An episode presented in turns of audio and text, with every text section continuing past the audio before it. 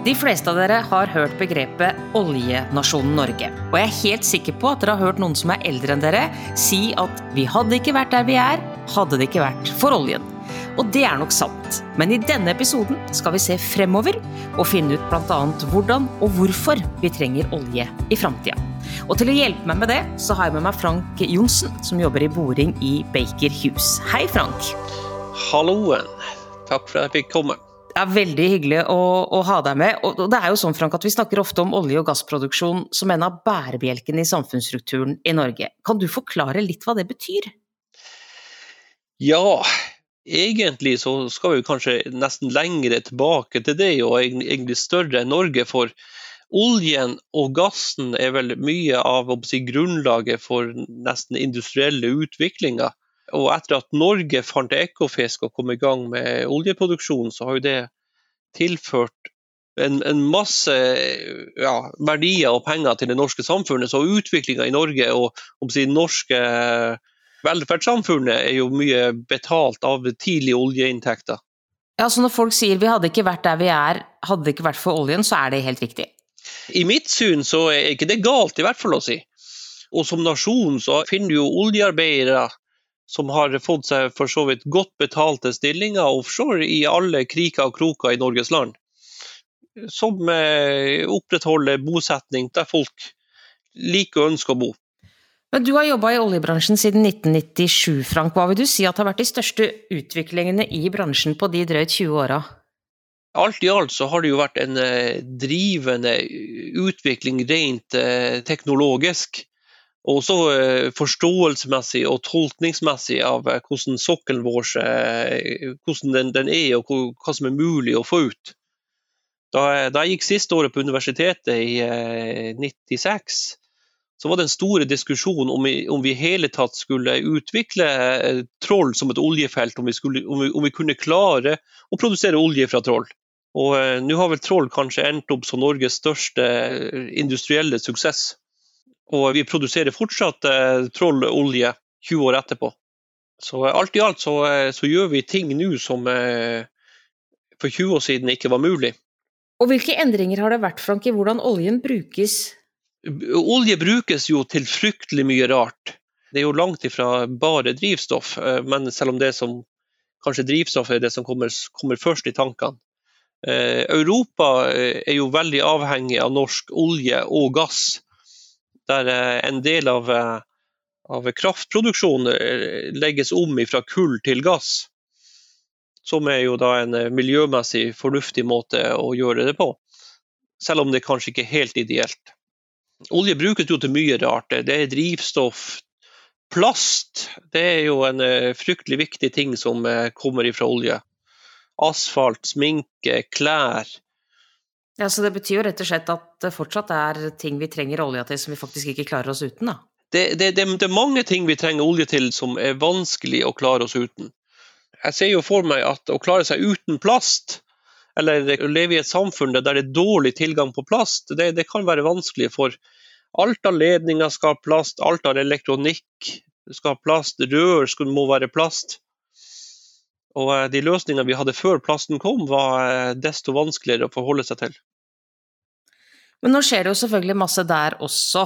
Eh, det går nok kanskje ikke like fort som utviklinga i oljebransjen, men, men, hvordan tror du at vi kommer til å trenge olja i framtida? Det blir nok en vridning der. Og eh, mye av den vridninga blir nok bort fra drivstoff og, og, over til de her andre produktene som vi ikke klarer oss uten. For det er nok lettere å redusere på forbruk innenfor drivstoff enn eh, en forbruk til, eh, til, andre ting, sånn som eh, plast og asfalt og sånn.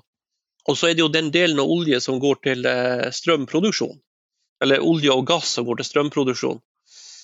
Der, der finnes jo også andre muligheter, og eh, det er jo en stor jobb å gjøre både teknologisk og ikke minst politisk.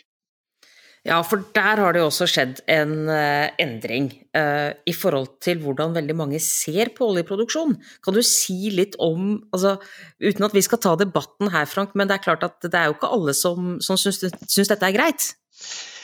Nei, Det er slett ikke. Olje er omdiskutert, og det er jo gjerne med rette. og Vi skal bruke olje og gass med fornuft, og ikke mer enn hva vi trenger og behøver.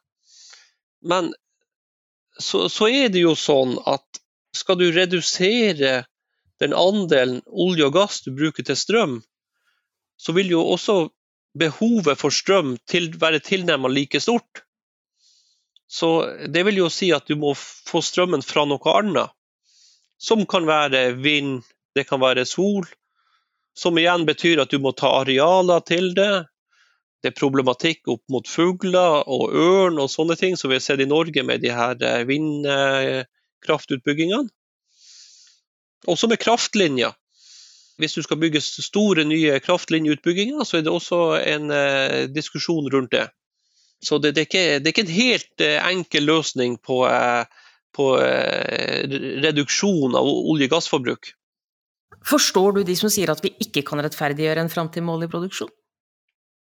Ja, jeg forstår, men jeg ser det vanskelig å, å gjennomføre i praksis. Spesielt eh, for de delene av, eh, av, oljen som blir brukt til andre produkter enn eh, en drivstoff. Og så må vi også huske på at hvis du ser det i et litt større plan enn akkurat Norge, det er store deler av verden der du ikke har, eh, har strømnett nok knapt til å få, få ei, lyspære i hvert hus. Og da er det jo vanskelig å erstatte olje og gass som energibærer på, eh, på plasser der du ikke har, eh, har, strømnett. Så for store deler av verden så er det nok en veldig mye større jobb enn hva vi har i Norge for å redusere eh, forbruket. Og så er det sånn, Frank, at vi plugger og forlater stadig flere brønner. Altså, La oss starte med det å plugge, altså, å plugge en brønn, hva vil det si? Det vil si at når eh, produksjonen av oljen og gassen fra den brønnen er, ferdig og avslutta, og, du ikke får opp mer, så, må du plugge igjen. Og, det vil jo i prinsippet si at uh, du går, inn, og så støyper du igjen hele brønnen. Du, fyller den uh, med sement, slik at du hindrer fremtidig lekkasje til overflata. Altså du, du, plugger og sikrer, slik at når, når, når du da forlater brønnen, at, at, du ikke skal ha mulighet for at det skal sive opp olje eller gass til havbunnen. Og Grunnen til at dette gjøres eh, på flere brønner nå, hva er, hva er grunnen til det? det? det? er vel rett og slett at oljeproduksjonen i Norge begynner å bli nokså moden. Det starta tidlig på 70-tallet, og en del av brønnene er såpass gamle at eh, de, eh, de produserer ikke mer. Og for, for, hvert år som går, så, så er, det, er, det, flere brønner som uh, må, må, avsluttes og plugges. Så, samtidig som det bores nye. Men uh, til, til, slutt så, så, skal jo alle brønner som blir bora, også plugges og forlates til slutt. Og det må gjøres på en sikker måte. Men du sier jo at vi, vi plugger og forlater eh, brønner, men så dukker det opp nye? Da dukker det opp nye. Men betyr det at vi kommer til å ha det samme produksjonsnivået framover som det vi har nå? Ja, det, det er mange ikke oppmerksom når det gjelder produksjonsnivået. F.eks. hvis vi bare ser på norsk oljeproduksjon. Det har vel eh, droppa med ca. 50% fra den gangen vi var på toppnivå. Så vi har, bare halve produksjon, oljeproduksjon nå sammenlignet på det vi hadde når, når oljeproduksjonen fra Norge var på topp. Så eh, vi, vi, er på dalende oljeproduksjon. Det får en liten boost nå når eh, Johan Sverdrup eh, kommer inn, men det, det, vil nok fortsette å dale i årene som kommer. Jeg regner med at du kommer til å svare ja på dette spørsmålet, Frank, men jeg stiller det likevel. Kan vi være stolte av oljebransjen? Ja, det syns jeg. Norge har, har jo vært en oljenasjon lenge, og veldig mange folk i Norge og familier har vært avhengige av olje og, og jobba i oljen. Og jeg må jo si sånn Miljømessig og sånn, så må jeg jo si at oljebransjen på mange måter er veldig, veldig flink. Det er strenge regler og strenge krav til alt av utslipp, og på ting som ikke skal slippes ut. Så oljebransjen har fokus og passer på. Og så var du litt innom det i stad, Frank, og du nevnte det også litt nå, men bærekraft er jo et ord som eh, omgir oss i større og større grad for hver eneste dag, egentlig. Eh, hvordan eh, hører olje og gass hjemme i dette bildet, i uh, det bærekraftige samfunnet i framtida? Det er et eh, veldig stort spørsmål. Bærekraft og olje og gass. Olje og gass har jo CO2-utslipp, noe som vi tar sikte på å, å redusere og mi minimalisere.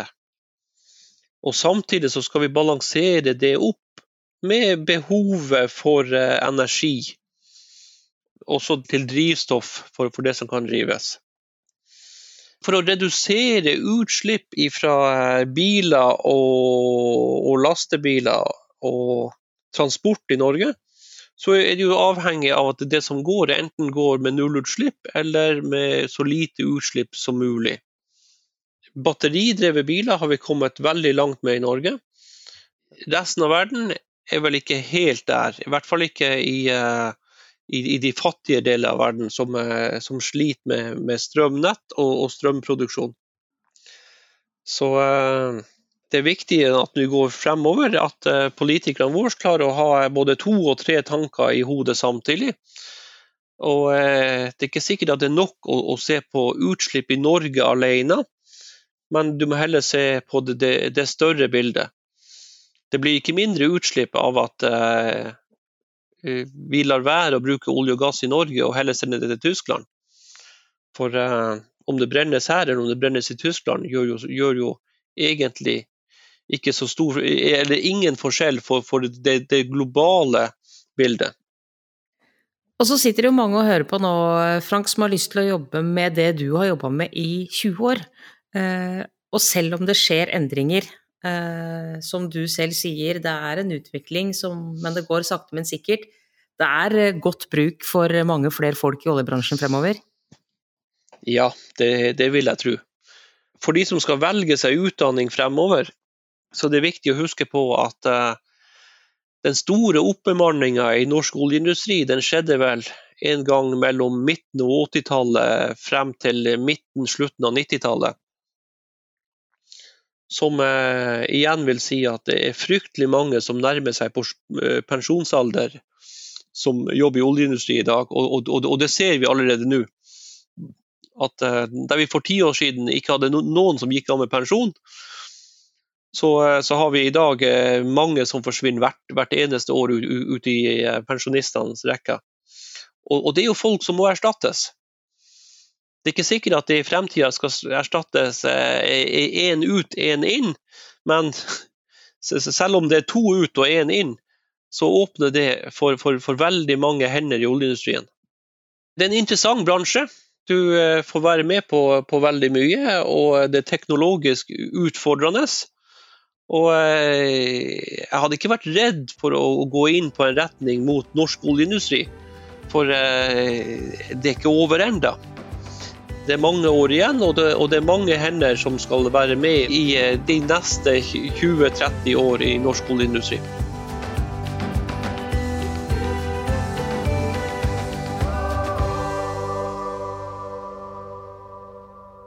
Produsert av både og for av